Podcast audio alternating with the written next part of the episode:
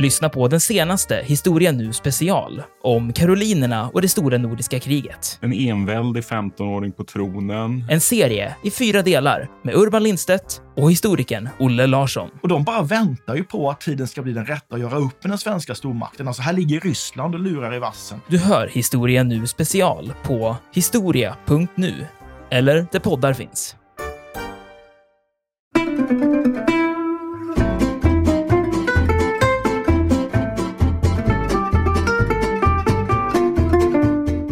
Egentligen så skulle ju det här ha hänt i oktober. Då hade vi inte kunnat läsa dikten om the 5th of November. Utan överhuset skulle ju samlas i oktober, men så blev det inte därför att London är ju drabbat av en pest det här året. Så man bestämmer sig för att eh, flytta fram det här mötet.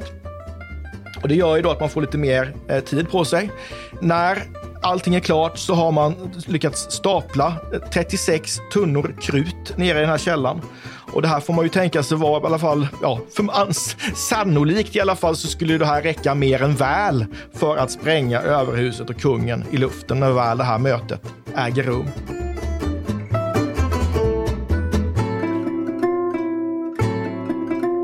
Podden En oväntad historia utgår från en liten händelse för att med glimten i ögat berätta den stora historien.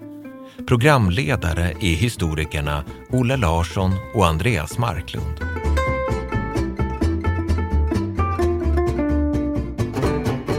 Hallå Andreas! Tjenare! Hur är läget? Det är fantastiskt. Du ser påfallande solbränd ut med tanke på väderleken här. Du måste ju ha varit någon annanstans än ja, jag. Men, ja, men vad härligt att du nämner det. Jag är just hemkommen eh, från eh, höstlovsfirande på Mallorca. För första gången i mitt liv har jag varit på Mallorca. Trevligt. Ja, ja, själv, alltså, själv ämnar jag mig till Berlin, men där lär jag ju inte bli lika solbränd. Men det ska bli väldigt trevligt. Men framtiden känns ändå ljus också för dig. Absolut, absolut. Men Andreas, idag tänkte jag faktiskt att jag skulle försöka imponera på dig och på lyssnarna genom att eh, faktiskt lyfta fram en eh, förhållandevis okänd sida av mig själv.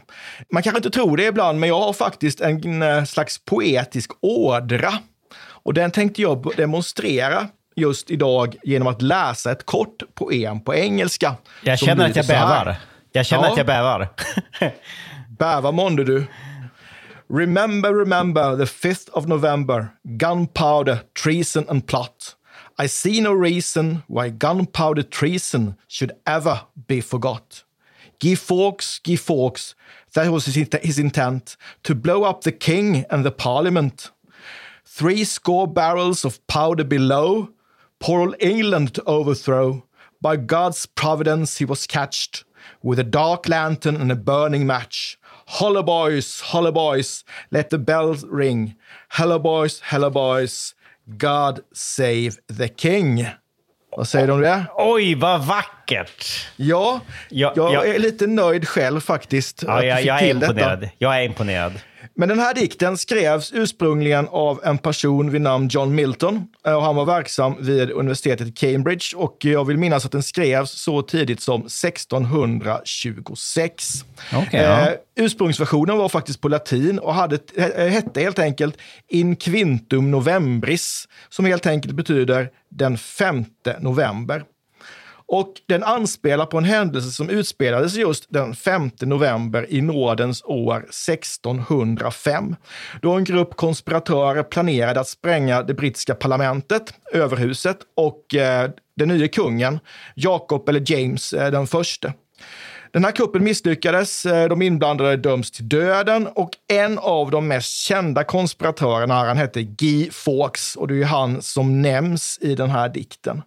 Och eh, hela den här plotten får man säga kallas ju för krutkonspirationen. Och det var den jag tänkte att vi skulle prata om idag. Men först Andreas måste jag få ställa en fråga till dig. Alltså, har du någon relation till Guy Fawkes eller till den här krutkonspirationen? Ja, faktiskt till, till bägge två. Och det är på grund av ett eh, seriealbum som jag tror att du säkert kommer att nämna senare i det här programmet. V för Vendetta. Det är en, en helt fantastisk serie som kom på eh, 80-talet och som är då löst baserad på den här krutkonspirationen, The Gunpowder Plot, men den är då placerad, själva då händelserna är placerade då i en nära framtid ur ett 80-talistiskt perspektiv.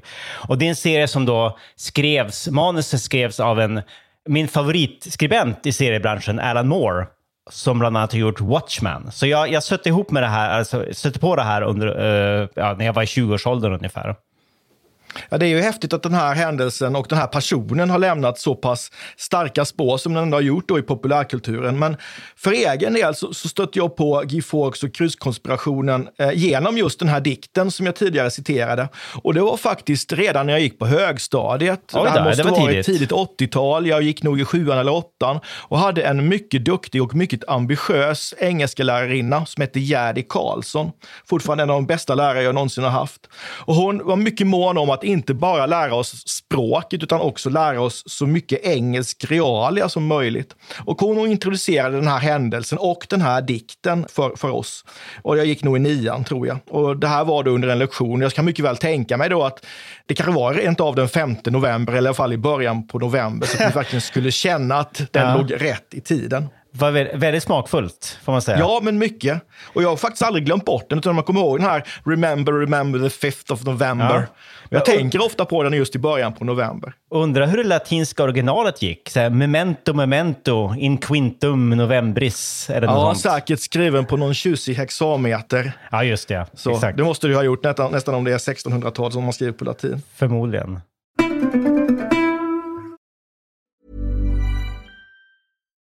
One size fits all seems like a good idea for clothes until you try them on. Same goes for healthcare. That's why United Healthcare offers flexible, budget friendly coverage for medical, vision, dental, and more. Learn more at uh1.com. Ready to pop the question? The jewelers at BlueNile.com have got sparkle down to a science with beautiful lab grown diamonds worthy of your most brilliant moments. Their lab grown diamonds are independently graded and guaranteed identical to natural diamonds, and they're ready to ship to your door. Go to BlueNile.com and use promo code LISTEN to get $50 off your purchase of $500 or more. That's code LISTEN at BlueNile.com for $50 off. BlueNile.com code LISTEN. I'm Sandra, and I'm just the professional your small business was looking for. But you didn't hire me because you didn't use LinkedIn jobs. LinkedIn has professionals you can't find anywhere else, including those who aren't actively looking for a new job but might be open to the perfect role, like me. In a given month, over 70% of LinkedIn users don't visit other leading job sites. So if you're not looking on LinkedIn, you'll miss out on great candidates like Sandra. Start hiring professionals like a professional. Post your free job on linkedin.com/people slash people today.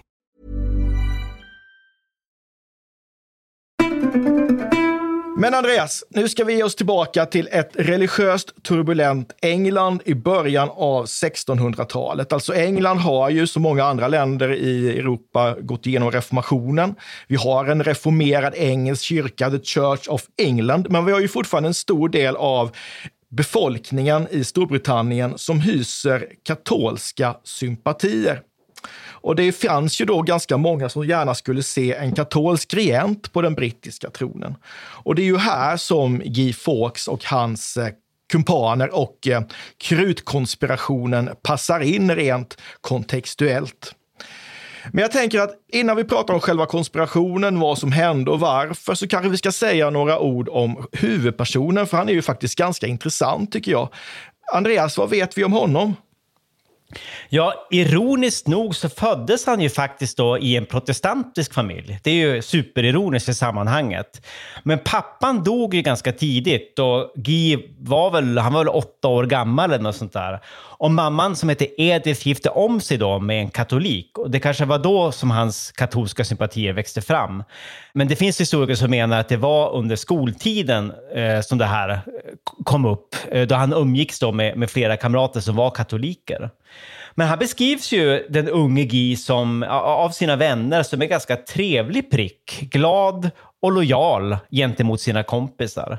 Eh, alltså en populär typ och socialt begåvad. Han ska också ha sett bra ut. Han var, han var lång, han var kraftig, han hade tjockt rödbrunt hår. Han hade skägg och en, eh, en ganska markant stilig, i ögonen fallande mustasch. Det har de fångat ganska bra på de här, dels i den där filmen och också de här Guy, Fawkes-maskerna som många av oss förknippar med, eh, som används till exempel då av de här Anonymous till exempel. Eh, alltså en, en väldigt speciell mustasch. Eh, och Han ska också ha varit fysiskt stark och ganska intelligent också. Va? Men sen i början då, han föddes ju då 1570. I, i början av 1590-talet då, så sålde han då den, den fastighet som han hade fått ärva av sin far och gav sig ut i Europa. Och här deltog han då i det då eh, flammande nederländska frihetskriget på det katolska Spaniens sida. Som någon slags, eh, alltså legoknäckt var han ju då. Och här kämpade han bland annat tillsammans med en man som heter William Stanley som var en brittisk katolik som hade stått ganska nära drottning Elisabeth en gång i tiden men som hade brutit med henne. Och folk, han var väl då någon slags underofficer till att börja med. Men efter att han då hade utmärkt sig i flera drabbningar så utnämndes han till, till officer med kaptensgrad. Så han, han steg relativt snabbt i graderna som legosoldat. Och han är ju en målmedveten katolik, får man säga. Alltså han föds som protestant, som vi konstaterade. Det är ju intressant. Och sen så någon gång, antingen då i samband med att mamman gifter om sig eller under skoltiden, så blir han ju faktiskt övertygad katolik. Och han slåss då för katolikerna i det här nederländska frihetskriget och 1603, precis när han har blivit då officer, så reser han till Spanien för att söka stöd då för eh, den katolska saken i England hos den spanske kungen. Och Spanien är ju kanske då en av Europas ledande alltså katolska stormakter vid den här tidpunkten. Så det var ju helt naturligt att ge sig till Spanien. Eh, han vill starta ett katolskt uppror i England. Han har som sagt var, han och flera andra har ju ambitionen då att placera en katolik på den engelska tronen. Men den spanske kungen är ju eh, inte alldeles positiv till detta. Men han tar emot eh, Guy Fawkes. Han har ju själv liksom jag vet inte varför han har gjort det egentligen, men han kallar sig ju inte Guy Fawkes när han kommer till den spanske kungen, utan han har ju tagit ett mer latinskt klingande namn, kanske mm. helt medvetet, mm. kallar sig då för Guido. Guido mm. Fawkes. Mm. Inte helt spanskt, men väl lite italiensk klang i alla fall. Ja, ja, ja. Eh, och eh, han har då redan tidigare skrivit brev till den, här, till, till, eh, till den spanske kungen eh, där han då har uttryckt sina katolska sympatier. Han kallar den engelske kungen då James, eller Jakob den förste, för kättare och han fördömer Skottland och han fördömer alltså kungens skottiska gunstlingar och han menar på att det är helt omöjligt för Skottland och England att liksom förena sig. Det, det är o, o, otänkbart helt enkelt. Och eh, han kommer då till den spanske kungen som tar emot honom, men han är tveksam till Guy Fawkes planer. Alltså Spanien befinner sig ju faktiskt i krig med Storbritannien vid den här tidpunkten. Har ju gjort det ända sedan den kända alltså spanska armadan 1588. Och eh, den spanske kungen är ju mer intresserad nu av att få till stånd en slags fred med England än att eh, stödja den katolska saken då eh, och eh, stödja Guy Fawkes i det här upproret. Och han sluter ju också ett fred, fred faktiskt med England då 1604. Så här har ju Fawkes inte mycket att hämta. Nej.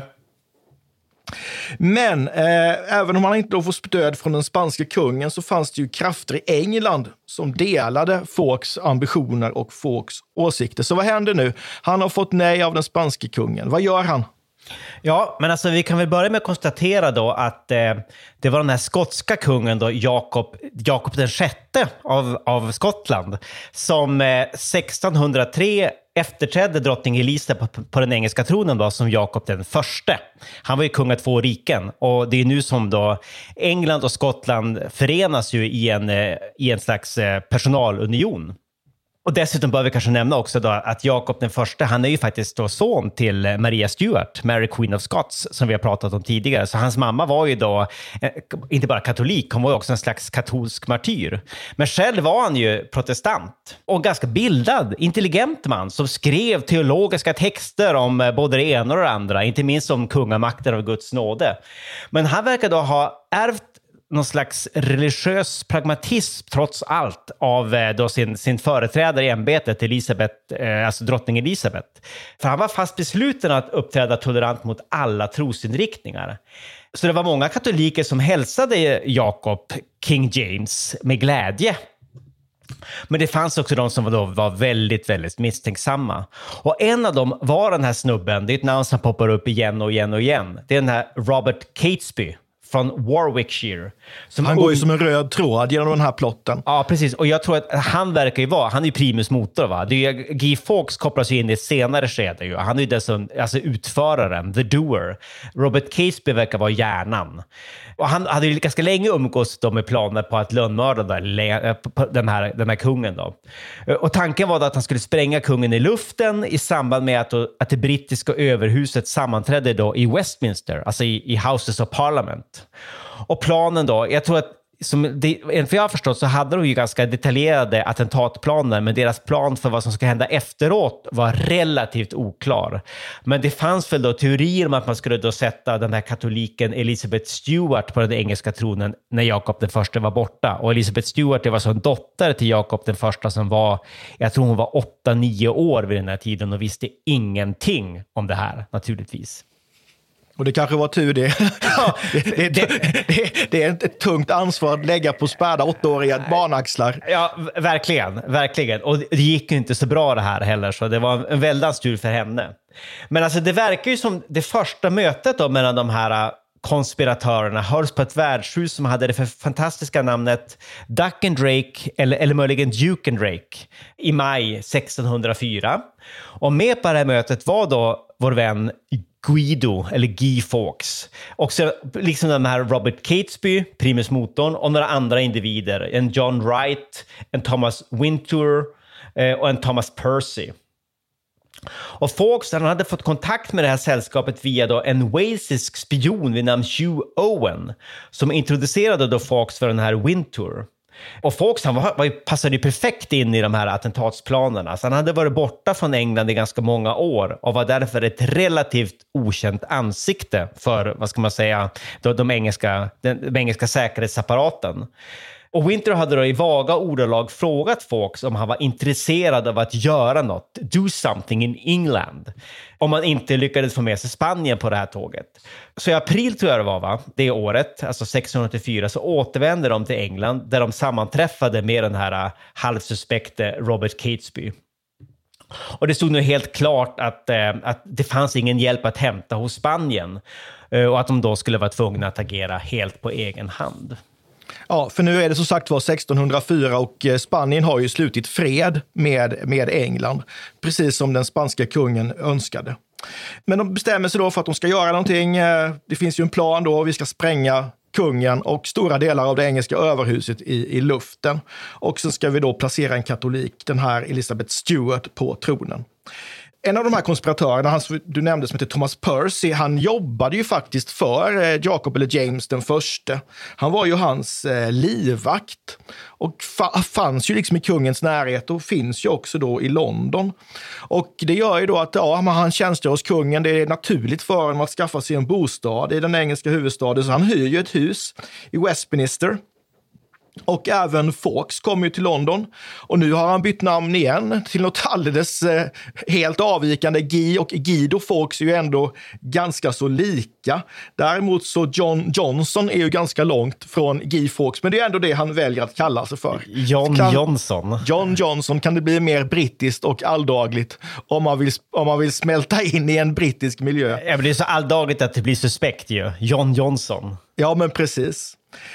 Så nu finns de ju här, eh, flera konspiratörer. De hyr ju också flera fastigheter i London som de då tänker använda som lager. Alltså det här är ju, det går ju åt mängder med krut för det här, den här, liksom, det här planerade dådet. Och man köper ju på sig eh, kruttunnor och de ska ju lagras någonstans. Och det är därför man skaffar alla de här eh, eh, fastigheterna. Och sen när allting är liksom under kontroll så transporterar man de här eh, tunnorna i hemlighet över Themsen och till då det här källarvalvet under Westminster där eh, de här tunnorna placeras då. Och det är det här också de ska, de ska detoneras när tiden blir eh, mogen. Och eh, egentligen så skulle ju det här ha hä- hänt i oktober. Då hade vi inte kunnat läsa dikten om the 5th of November. Utan överhuset skulle ju samlas i oktober, men så blev det inte därför att London är ju drabbat av en pest det här Ja, just det. året. Ja, Så man bestämmer sig för att eh, flytta fram det här mötet. Och det gör ju då att man får lite mer eh, tid på sig.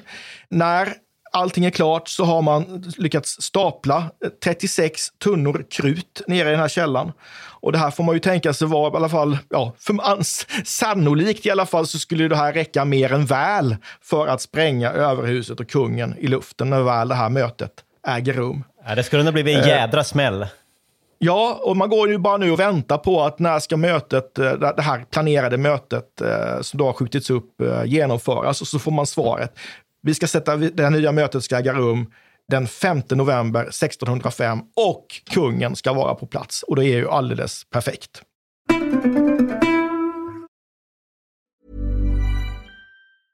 When you're ready to pop the question, the last thing you want to do is second guess the ring. At BlueNile.com you can design a one-of-a-kind ring with the ease and convenience of shopping online. Choose your diamond and setting. When you find the one, you'll get it delivered right to your door. Go to Bluenile.com and use promo code LISTEN to get $50 off your purchase of $500 or more. That's code LISTEN at Bluenile.com for $50 off your purchase. Bluenile.com code LISTEN. Cool fact a crocodile can't stick out its tongue. Also, you can get health insurance for a month or just under a year in some states. United Healthcare short term insurance plans, underwritten by Golden Rule Insurance Company, offer flexible, budget friendly coverage for you. Learn more at uh1.com. Quality sleep is essential. That's why the Sleep Number Smart Bed is designed for your ever evolving sleep needs. Need a bed that's firmer or softer on either side? Helps you sleep at a comfortable temperature? Sleep Number Smart Beds let you individualize your comfort so you sleep better together. JD Power ranks Sleep Number number 1 in customer satisfaction with mattresses purchased in-store. And now, save 50% on the Sleep Number limited edition Smart Bed for a limited time. For JD Power 2023 award information, visit jdpower.com/awards. Only at a Sleep Number store or sleepnumber.com.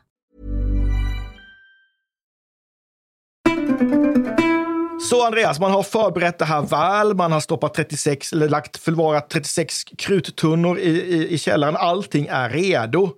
Allt talar ju för att det här skulle kunna lyckas, men hur går det nu när man ska sätta sina planer i verket? Mm, ja, som så ofta när det gäller den här typen av, vad ska man säga, historier så finns det en del, en del oklarheter. en del oklara detaljer.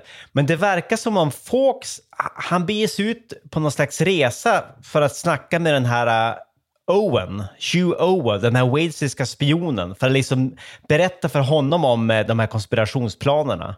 Och under den här resan så blir han då upptäckt av en spion som är då i tjänst hos Earlen av Salisbury, den här Robert Cecil, som i allt väsentligt är Francis Walsinghams efterträdare som brittisk underrättelsechef. Vi har pratat om det här tidigare ju, men i en lite tidigare fas av de här äh, brittiska konflikterna mellan katoliker och protestanter.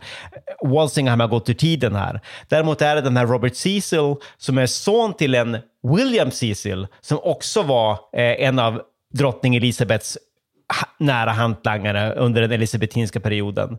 Den här sonen då, han har liksom byggt upp en ganska eller han har övertagit i hög utsträckning då, Walsinghams eh, spionnätverk som har förgreningar då över hela England och stora delar av Europa.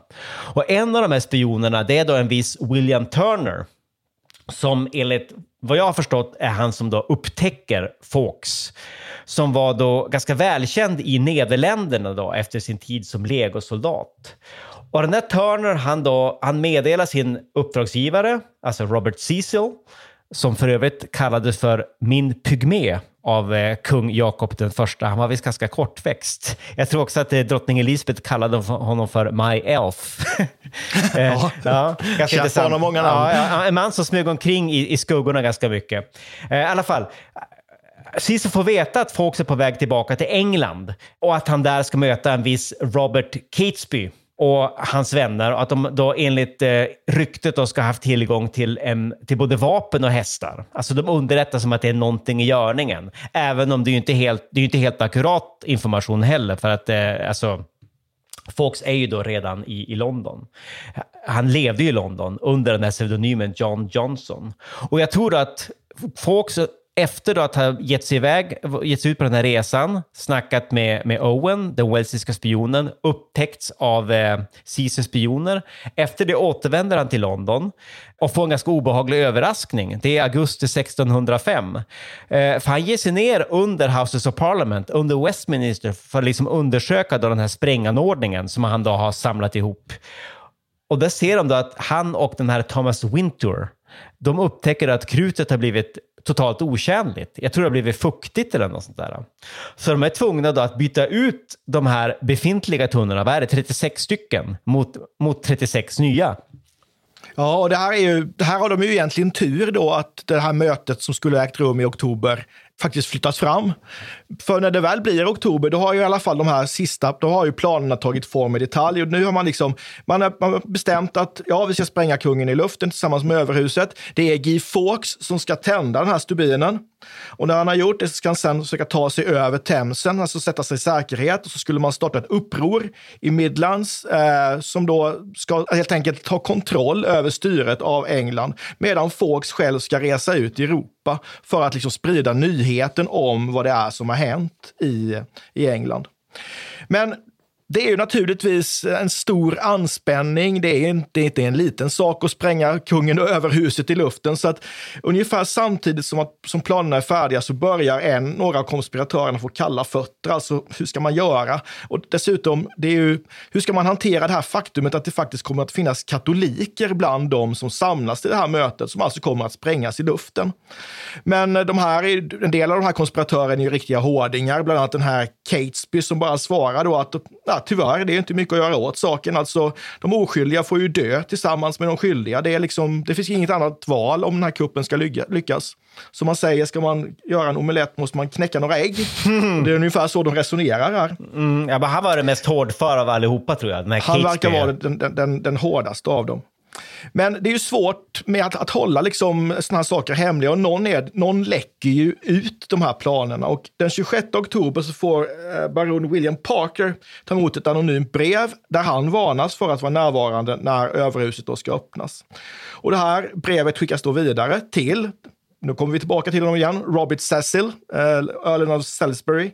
Och eh, Catesby får ju kännedom om att någon har läckt och att, eh, att eh, Cecil har fått tag på det här brevet, men menar att ah, men det är ingen fara, det är inget hot mot våra planer, utan vi, vi fortsätter som vi har planerat. Och eh, så sent som den 30 oktober så skickar man ner Fawkes i källaren igen då för att undersöka krutet. Och den här gången så är det inget fel på det, utan allting ser bra ut. Nu är det bara att tuta och köra. Och på kvällen före då det planerade mötet den 5 november, alltså den fjärde, så införskaffar Fawkes ett fickur. Och det här gör han ju då för att det här ska ju, stubinen ska ju antändas vid ett visst klockslag för att eh, planen ska kunna, alltså planerna ska kunna sättas i verket.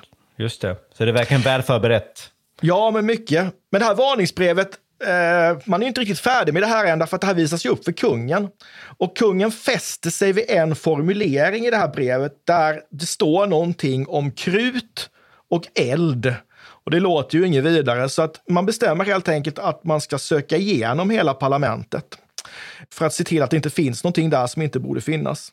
Och den här undersökningen leds då av en man som heter Thomas Howard och han hittar en stor hög med kvistar i ett av källarvalven under överhuset. Och det där är naturligtvis oerhört misstänkt. Vad är det där för någonting? Och då ger kungen order om att man ska genomföra ytterligare en undersökning av byggnaden. Och den här gången, det här gör man alltså på, sent på natten, alltså runt midnatt, natten mellan den 4 och 5 november 1605.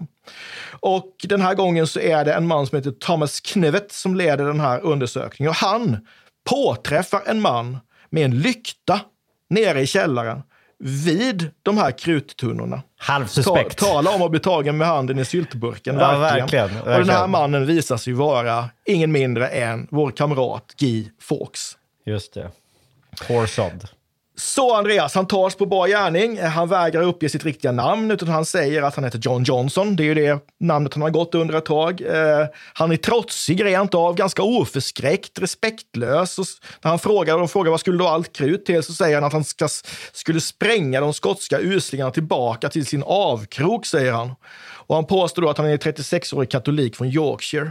Och att han beklagar verkligen då att han inte lyckades spränga över, överhuset i Westminster i luften. Så eh, vad händer med honom nu, Andreas? Hur går det för Guy Fawkes? Det går ju inte så himla bra då, måste jag ju säga. Det som hände var så att kungen beordrade att den här eh, John Johnson, han skulle förhöras under tortyr då i The Tower of London, alltså det här vita tornet. Och syftet var ju helt enkelt att få John Johnson att berätta vilka andra som hade varit inblandade i den här sammansvärjningen.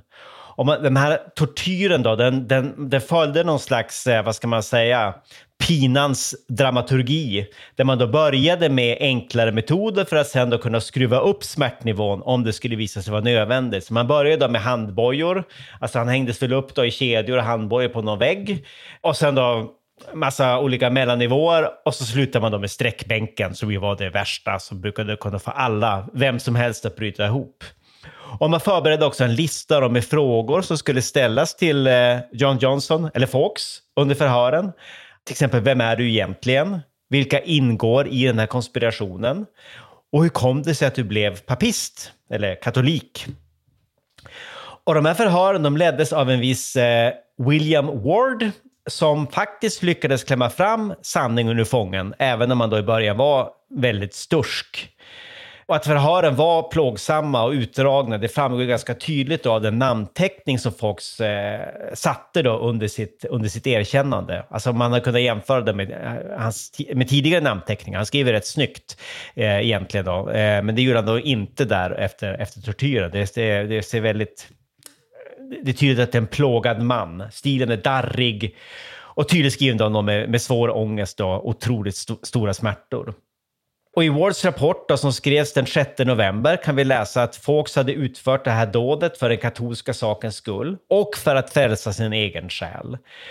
Trots sina smärtor så stod då Fox ut med tortyren då i några dagar till innan de då föll till föga. Den 7 november avslöjade han då sin verkliga identitet, att han var Guy Fawkes, Guy Fawkes, och berättade också att det var fem andra personer som var inblandade i sammansvärjningen.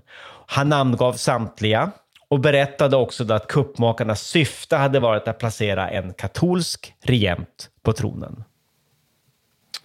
Och så i januari 1606 så ställs ju de här eh, konspiratörerna inför rätta. Det är i slutet av månaden, den 27. Och de anklagas för högförräderi och de döms också följaktligen till döden. Och tre dagar senare så äger då avrättningarna rum den 30 januari. Och det här är ju ett alldeles eh, alltså förfärligt skådespel måste det ha varit. De döms ju nämligen att dödas genom en metod som kallas för drawn, hanged and quartered. Vilket i korthet eh, går ut på att först ska de släpas då, eh, bakom, eh, eh, bakom hästar och sen hängas upp för att slutligen då få magen uppsprättad, eh, genitalierna avskurna, tarmarna urlyfta och sen då styckas levande i flera mm. bitar. Ja, precis som Babington-konspiratörerna som ja, jag pratat precis. om tidigare. Oerhört och, obehagligt. Och William Wallace, alltså Braveheart. Ja, precis. Och eh, Fawkes är ju den sista som ska avrättas och han har ju stått och sett på hur hans medkonspiratörer har liksom den här, den här behandlingen. Så eh, när han förs upp på schavotten så väljer han att eh, ta sitt eget liv faktiskt. Och det här lyckas han med. Han kastar sig med huvudet före ner för den här schavotten och den är ganska hög och landar då med skallen före och bryter väl nacken.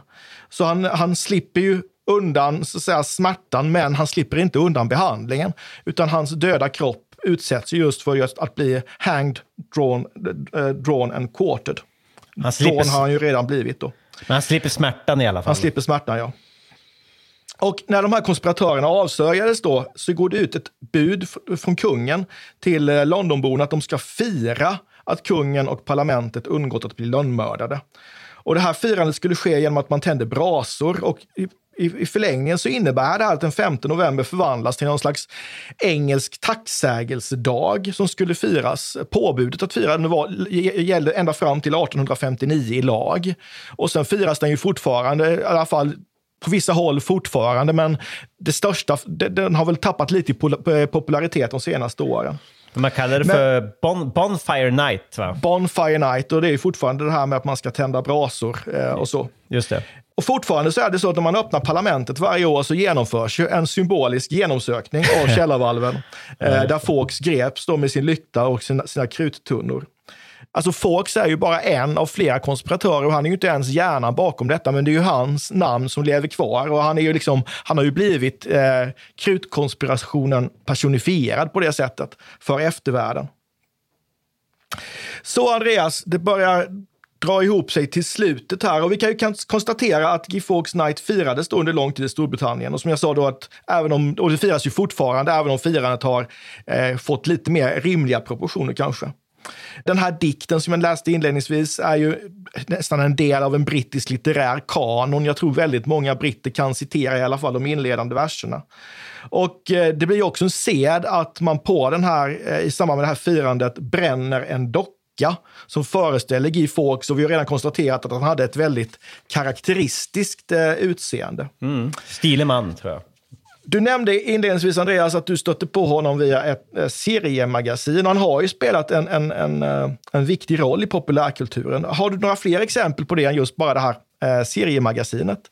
Ja, men till att börja med vill jag bara säga det här att det är verkligen ett fantastiskt seriemagasin, eller grafisk roman kallar man det också för. Alltså det skrevs ju av Alan Moore, gavs ut på 80-talet, slutet av 80-talet, 88 tror jag. Och här är ju huvudpersonen då utklädd till, till Guy Fawkes och han planerar också att spränga Westminster i luften, men handlingen är ju då förlagd till en, till en nära framtid där Storbritannien styrs av en så väldigt Orwellsk Big Brother-aktig diktatur och det, det är hur jädra spännande som helst. Och det här filmatiserades ju då 2005. Jag tycker det är en väldigt lyckad version. Jag vet att eh, kritikerna har varit lite delade, men jag tycker det var jättebra. Alltså det här kan vi återigen se då Guy Fawkes på filmaffischerna till exempel. Det här väldigt karaktäristiska ansiktet. Det här ansiktet, den här masken har ju använts av mängder av olika proteströrelser. Alltså jag nämnde ju tidigare Anonymous. Jag vet också att man använt sig av den i, i, i Thailand där man har protesterat mot eh, den här militärdiktaturen som har vuxit fram på senare år. Eh, så eh, ha- han, Guy Fawkes har blivit den ultima, ultimativa symbolen liksom för liksom upproret mot eh, etablissemanget, mot systemet. Men sen finns det- det, ja. Ja, det är spännande det här med hur, hur, hur länge liksom minnet av en misslyckad kupp kan leva kvar. Ja, verkligen. Men man har ju använt den också eh, i, i populärkulturen och även i skönlitteraturen på olika sätt. Alltså T.S. Eliot har gjort någon referens till eh, Guy Fawkes i en av sina dikter i alla fall, den här The Hollow Man. A penny for the old guy. This is the way the world ends, not with a bang, but a whimper. Det anspelar ju på det här med den, att det inte blev någon explosion, däremot en hel del kvidande. Eh, Precis, precis. Eh, och så, så har vi den här fågeln, fågeln Fawkes. Det är en av mina favoriter. Den, alltså i de här böckerna om Harry Potter. Han har också fått sitt namn efter, efter Guy Fawkes. Och sen gjorde vi BBC någon omröstning 2002 om vilka som har varit de 100 mest kända britterna genom historien. Det är ju otroligt ironiskt. Där hamnade Guy Fawkes på, vad var det, plats 30. Ja, och det här är ju britterna själva som har, som har röstat fram detta. Ja. Jag tycker också det, det är helt fantastiskt. Ja, otroligt ironiskt.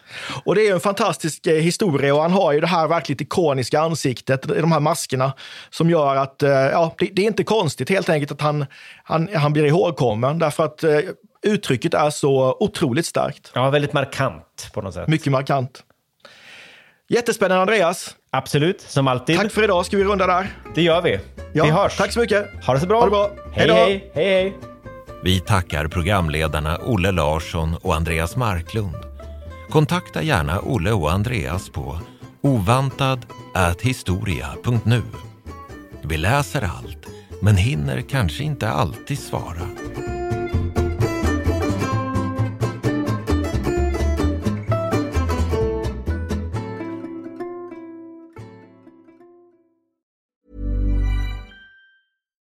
When we're on a budget, we still deserve nice things. Quince is a place to scoop up stunning high-end goods for 50 to 80% less than similar brands.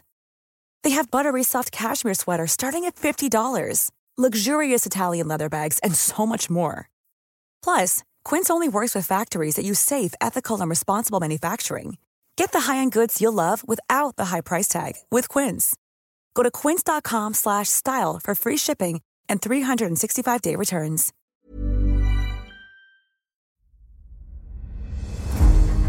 Jacob de la Gardie är den enda svenska fältherre som lett en armé till Moskva och trätt fram inför tsaren. Bedriften gjorde honom till en av 1600-talets största befälhavare. Moskvas erövrare är den första biografin över Jacob de la Gardie, en av stormaktstidens portalfigurer. Historikern Peter Ullgren följer hans stormiga bana från den föräldralösa barndomen vid 1500-talets slut till maktens topp och den mullrande statsbegravningen i Stockholm 1652. Moskvas erövrare är utgiven av förlaget Historiska Media. Ljudboken finns tillgänglig hos streamingtjänster som Bookbeat, Storytel och Nextory.